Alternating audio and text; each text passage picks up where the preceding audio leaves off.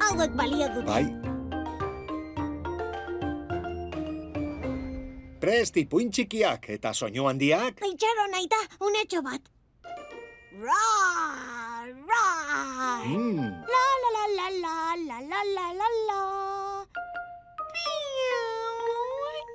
Primeran, orain bai, grabatzera, seme danbor, Eta ita txor txor, biok biok aurkeztuta, ipuin txiki, Soinu handi. gaur gurekin... Lizartxo ibiltaria, Francisco Gonzálezen ipuina. Mendiko laino artean, Lizartxo gaztea artega dago harineketan abiatu nahi balu bezala. Aita, nire urte betetzea izatea gura nuke. Oh. Handia izan nahi dut. Eta beste leku batzuetara joan txorien moduan. Aspertuta nago beti leku batean. Oh? Ez saiatu horretan, seme. Guzu aitzak gara lurrean landatuta, baina gure barrutik ibai handiak doaz. Eta aldaketa harrigarriak gertatzen dira argiaren, la la la. eguzkiaren Tururururum. eta uraren eraginez. Baina eta paisaia berbera ikusten ari gara beti. Nik gauza berriak ikusi nahi ditut. Begira, seme, mendiko larretik hurbil bizi gara lainoen basoan. Leku berezi berezia da lur osoan. Hementxe daude urlantegi handiak. Hemen landarek laino trinkoa erreka bihurtzen dute eta haiek gero ibai izango dira. Onda ibili, didazu ulertu aita. Bagoaz jolastera, Orain bromelia. orain bromelia. Nik mendiaren beste aldea ikusi nahi dut. Azeriak ikusten duen bezala. Edo untxiak. Edo enarek.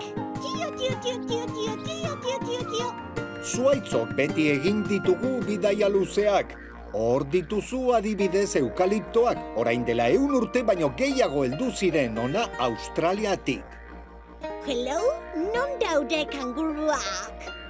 Eta Lizar txinatar erraldoi horiek txina misterio txutik etorri ziren. Ez duzu ezer ulertu. Neuk bidaiatu nahi dut. Lizar txinatarrek eta eukaliptoek ez didatea sola. Beste paisaia batzuk ezagutzeko ez da ala beharrezkoa beste toki batzuetara jotzea, guk zuaitzok bizita asko hartzen dugu, gure ostoak lastantzen dituen aizea, ur horiarekin elikatzen gaituen txakurra gure laguna, edo bizitxinpartak ematen dizkigun tximista.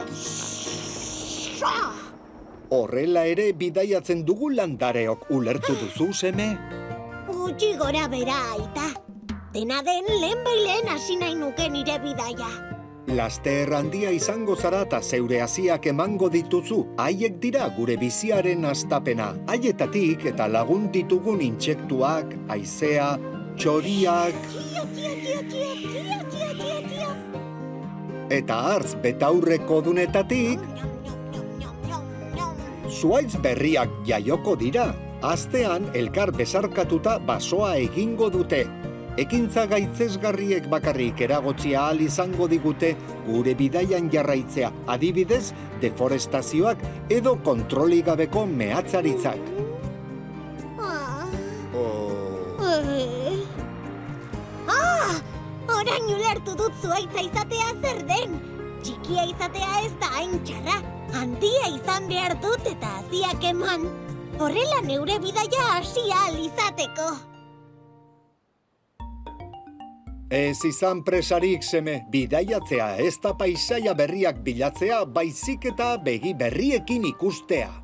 Eta hala izan bazan, zer dadila kalabazan, eta irten dadila gure herriko plazan. Tararararam,